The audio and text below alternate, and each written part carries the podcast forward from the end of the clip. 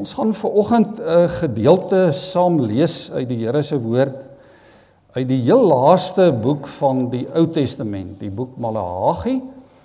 Ons gaan lees van vers 13 tot by vers 18. Die woordverkondiging kom uit die uit die altwee die hoofstukke, hoofstuk 3 en ook hoofstuk 4 van Maleagi.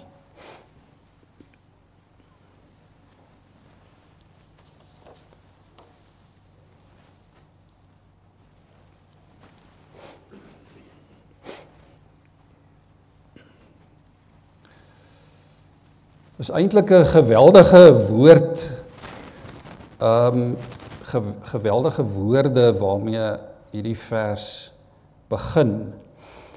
Dis die die Here wat deur die profeet Maleagi aan die woord is en die Here wat eintlik hier self praat.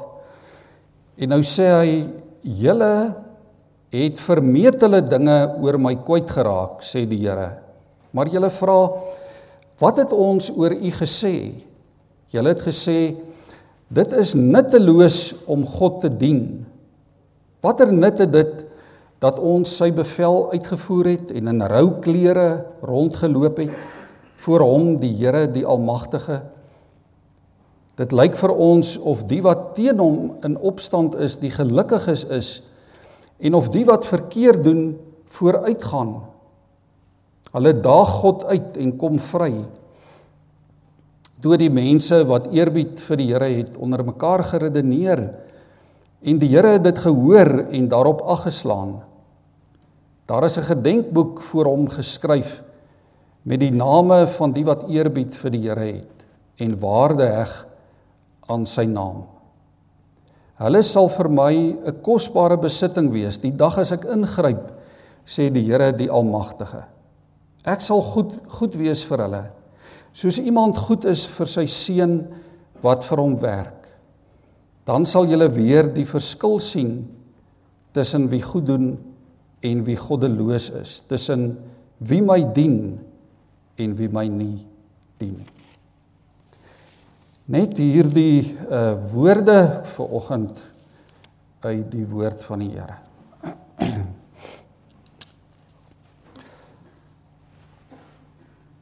Uh daar was een keer 'n baie bekwame uitvoerende beampte van 'n sekere maatskappy wat sou aftree. En een van die jonger bestuurders sou by hom oorgeneem het. En die jong bestuurder kom toe by die uh by die ouer ervare persoon en hy hy sê vir hom: "Meneer, jy is so 'n legende in hierdie maatskappy. Jy's so 'n bekwame leier vir jare al. Watter advies sal jy vir my gee sodat ek jou jou voetspore uh of jou skoene met verantwoordelikheid kan vol staan? En die ou leier het die vraag so 'n bietjie oor oorweeg en toe antwoord hy net 3 dinge. Maak goeie besluite. En die jong man het dit dadelik neergeskryf en en toe vra hy maar ehm um, hoe moet ek dit doen? Watter advies kan kan jy vir my gee sodat ek goeie besluite kan neem? En toe sê hy toe antwoord die ou bestuurder net een woord: ondervinding. En dadelik vra die jong man maar maar hoe kry ek daai ondervinding? En die ou bestuurder sê net twee woorde. Slegte besluite. Ek dink elkeen van ons het het al iewers in ons lewe daarmee te doen gehad met goeie besluite, goeie keuses en met slegte besluite en ook met die gevolge die uiteinde daarvan. Vanoggend is die vraag Wat doen jy en ek met God en met sy woord? Elkeen van ons maak elke dag van ons lewe besluite. Ons moet keuses uitoefen. Jy moet besluit of jy in die oggend gaan opstaan, hoe laat jy gaan opstaan, wat jy gaan aantrek, wat jy gaan eet vir ontbyt. So daar's die gewone alledaagse oppervlakkige besluite wat ons neem.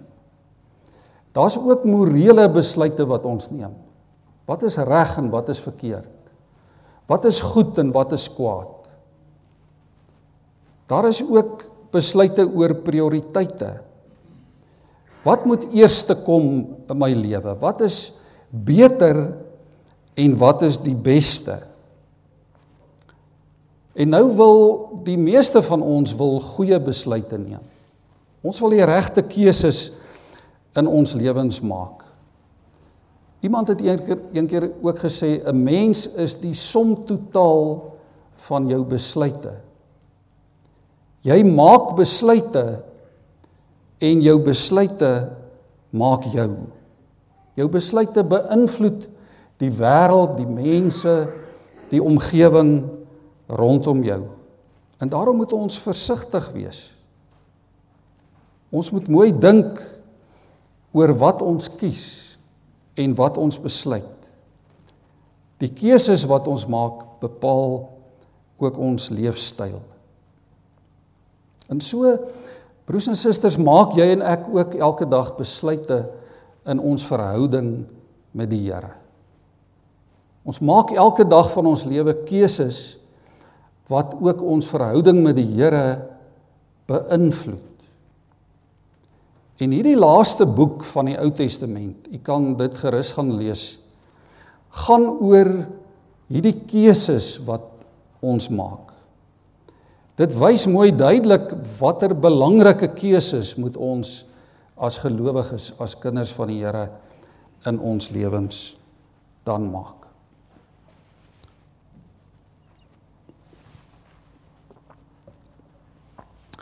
Die eerste ding wat jy vir jouself moet moet uitmaak is wil jy die Here dien? Wil jy die Here dien? Hier in vers 14 sê die Here vir die volk: "Julle het gesê dis nutteloos om die Here te dien." En in vers 18: "Julle sal die verskil die verskil sien tussen die wat goed doen en die wat goddeloos is. Die wat my dien en die wat my nie dien nie." So 'n hele paar keer in die boek Maleagi lees ons dat die dat die volk, die kinders van die Here uh sy volgelinge sê maar dit is nutteloos om die Here te dien. Dit dien geen doel nie. Dit maak geen verskil nie. Dis sonder betekenis. Dit kan so maklik gebeur. Dit kan so maklik gebeur dat mense ophou om die Here te dien omdat hulle nie die resultate sien nie. Ons kan so maklik vra of voel om te vra, Here, maar wat 'n verskil maak dit? Here, ons sien dan nie die verskil nie. Ons kan so maklik vra, Here, watter voordeel hou dit vir my in? Watter waarde kry ek daaruit? Ek doen goed maar die Here seën my nie. Dit lyk dan vir my so baie keer in die lewe van elke dag asof dit in die psalmdigters skryf baie daaroor, nê. Hulle stoei met die Here daaroor en ons ook. Here, dit lyk dan of dit met slegte mense goed gaan. En of goeie mense swaar kry. Wat help dit om God en ander te dien? Wat help dit om goed te doen? Malagi kom en hy sê nee, om om te dien onderskei die regverdige van die goddelose. Regverdigheid voor God is nie net om te glo nie.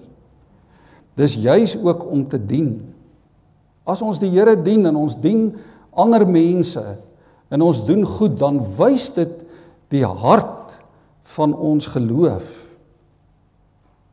En ons Skepper verwag dit van ons. Jakobus in die in die Nuwe Testament skryf baie daaroor.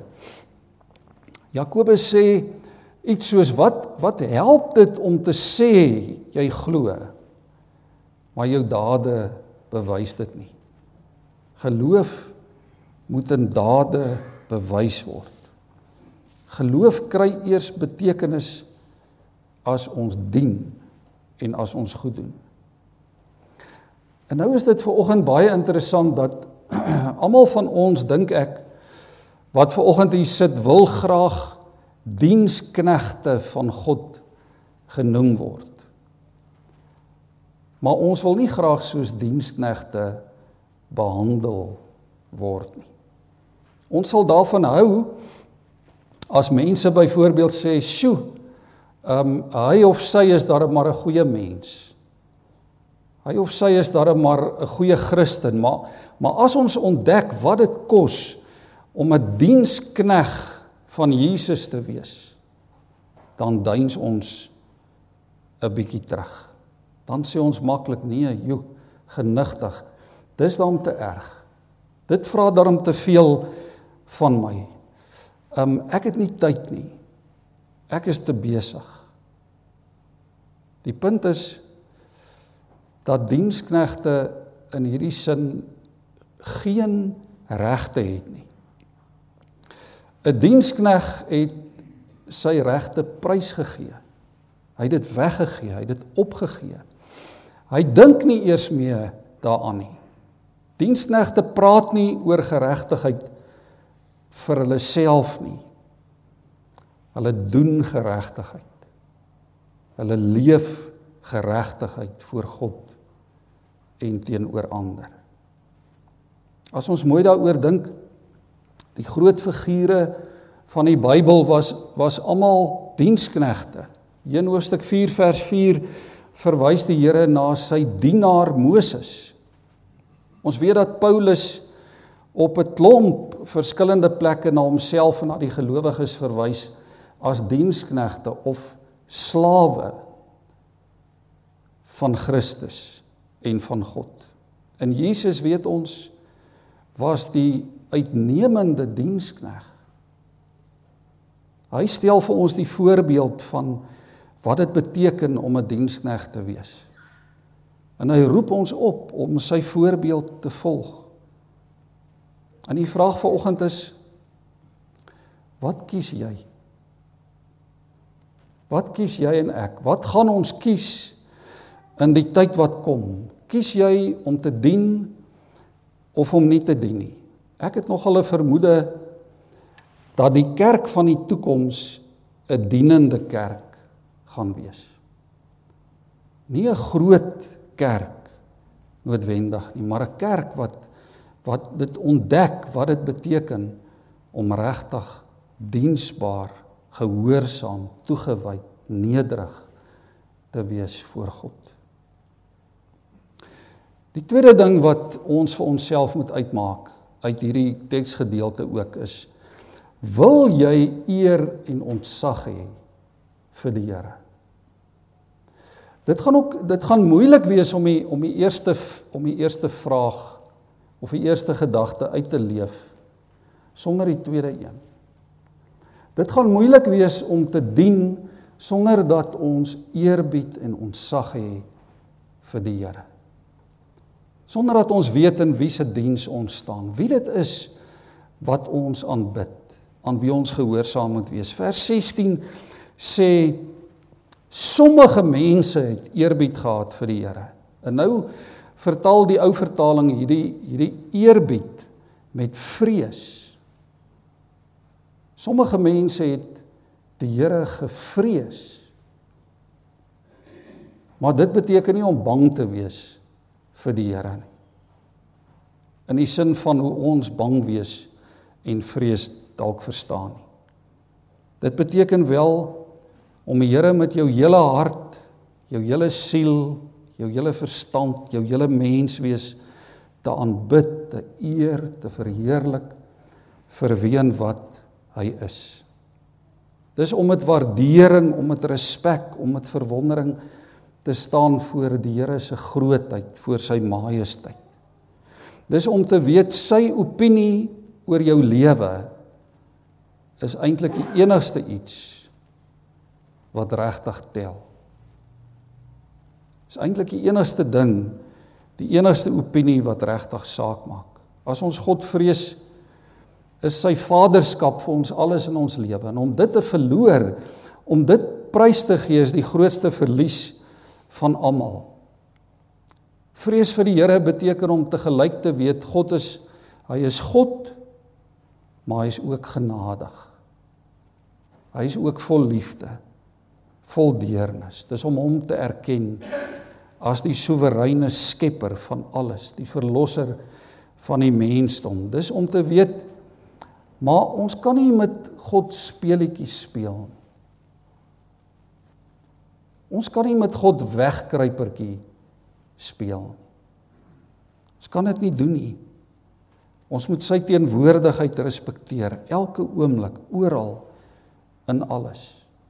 God bestaan nie broers en susters om jou en my behoeftes te bevredig nie. Ons bestaan om God te gehoorsaam.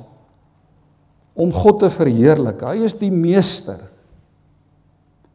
Hy is die hoof, hy is die bestuurder en ons is sy dienaars. Hy God het regte in ons het verantwoordelikhede. Hy moet verheerlik word. Ons is sy aanbidders. Hy is die heilige, die koning van die konings, die Here van die heersers. Hy verdien al ons lof, ons eer, ons respek. Dit was Martin Luther wat eendag vir die humanis Desiderius Erasmus hierdie ongelooflike ding gesê het. Hy het vir hom gesê, "Weet jy wat? Jou God is te veel soos 'n mens. Jou God is te mensagtig. Jy moet God God laat wees." Jy en ek het elke dag hierdie keuse. Wie is God vir jou? Om God te vrees of nie? Wat kies ons?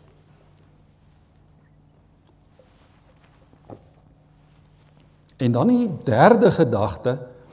Ehm um, ek het nogal baie daaroor gewonder en gewonder hoe hoe kan ek daarvan 'n vraag maak? Sal jy deur God beloon word? Die Bybel sê God wil ons beloon. God is die God van seën, van oorvloed. Uh God wil vir ons sorg. Hy wil vir ons voorsien. Hy wil vir ons goeie dinge gee. Hy wil vir ons vreugde en oorwinning in ons lewe gee. Maar die vraag is, wil jy wil jy dit regtig hê? Wil jy deur God beloon word? Hou dit vir jou iets in om die Here te dien? Vers 16 sê hoor wat sê vers 16 die Here hoor jou. Hy luister na jou. Hy slaan ag. Hy gee onverdeelde aandag aan jou. Die beeld wat ons daar kry is die van God wat wat so vooroor buig, so vooroor buig en al nader aan jou om te hoor, om te sien, om te luister. Dit wat jy sê en dit wat jy doen. As ons na die Here toe draai dan dan skakel hy in op ons frekwensie en hy hoor jou. Hy sien jou. En dan kan jy weet die Here onthou jou. Vers 16 sê dit ook. Vers 16 sê daar's 'n gedenkboek oop voor die Here met die name van die wat eerbied het vir sy naam. Die Ou Testament herhaal dit op 'n klomp kere. Hy onthou jou soos iemand wat jou naam in die palm van sy hand getatoeëer het. nie net ingeskryf het sodat die eerste keer as jy by Pick n Pay deur die sanitizers is dan is dit afgevee nie. Hy tatoeëer jou naam in sy handpalm. Hy onthou jou. En dan die derde een, die Here eis jou op vir homself. Vers 17 sê: Jy sal sy kosbare besitting wees die dag as hy ingryp. Jesaja 43 sê sê die Here, ek het jou by die naam geroep. Jy is myne. Jy behoort aan my vir ewig. Jy syne deur Christus behoort die eienaarskap van jou lewe nie meer aan jouself nie. Dit behoort nou aan God. En dan bewaar die Here jou. Hoor wat sê hy hier? Hy sê ek sal vir jou goed wees soos 'n pa goed is vir sy seun, vir sy kind wat vir hom werk. Ons verdien dit nie. Ons verdien oordeel. Maar God sorg vir ons. Hy bewaar ons. Hy bewys aan ons genade.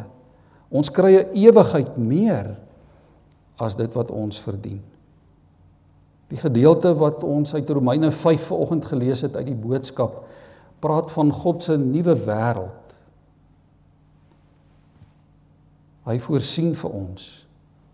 En ons almal hou daarvan, hè. Ons hou van belonings. Ons hou van bonusse. Ons hou van kontant terugwaarborge. Ons hou van voordele. En nou is die vraag vanoggend, watter groter voordeel kan daar wees as dit wat God vir ons gee?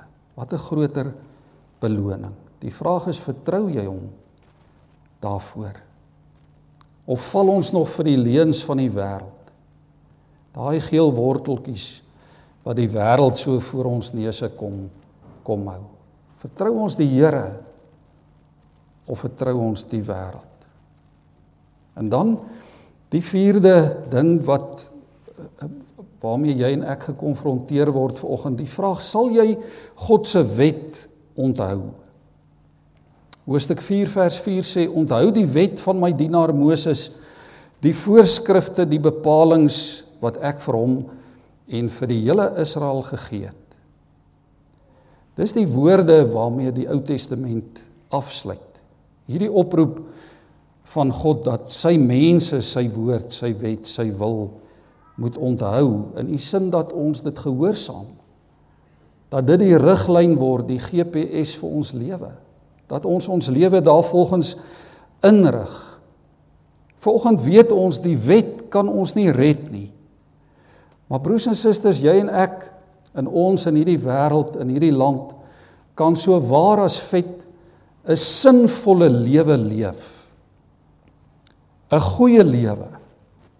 'n Vredevolle lewe as ons gehoorsaam is aan die wet, aan die woord van die Here. In Matteus 7 leer Jesus vir ons dat net 'n huis wat op die rots gebou is, sal bly staan as die storms van die lewe kom. En daai rots weet ons is die woord van God. Die woord wat ook mens geword het. Wat vir ons die voorbeeld geword het van God se wet en wat dit beteken om aan God gehoorsaam te wees. Wat kies jy in ek vandag? Wat kies ons in hierdie lewe? Wat kies ons in hierdie wêreld? Wat is die riglyne waarvolgens ons ons lewens gaan inrig? Wil jy die Here dien? Wil jy hom eer? Wil jy deur God versorg word? Sal jy sy wet en sy woord onthou? Alles hang daarvan af. Ek wil afsluit so so 'n paar weke gelede is 'n studente vriend van my oorlede aan COVID. Ons het die 'n klomp jare glad nie kontak eintlik met mekaar gehad nie. Ehm um, hy was so 'n paar jaar ouer as ek. En so in, in ons 5de jaar het ek en Nico op 'n stadium saam uh in 'n woonstel ingetrek toe die koshuis nou 'n bietjie vervelig begin begin raak. En ek toe ek na sy dood oor hom dink, toe onthou ek hoe ek en hy een keer saam na 'n begrafnis toe is in Kempton Park. En ek onthou die die kus het so voor in die in die kerk gestaan. En die prediker het baie driftig gepreek.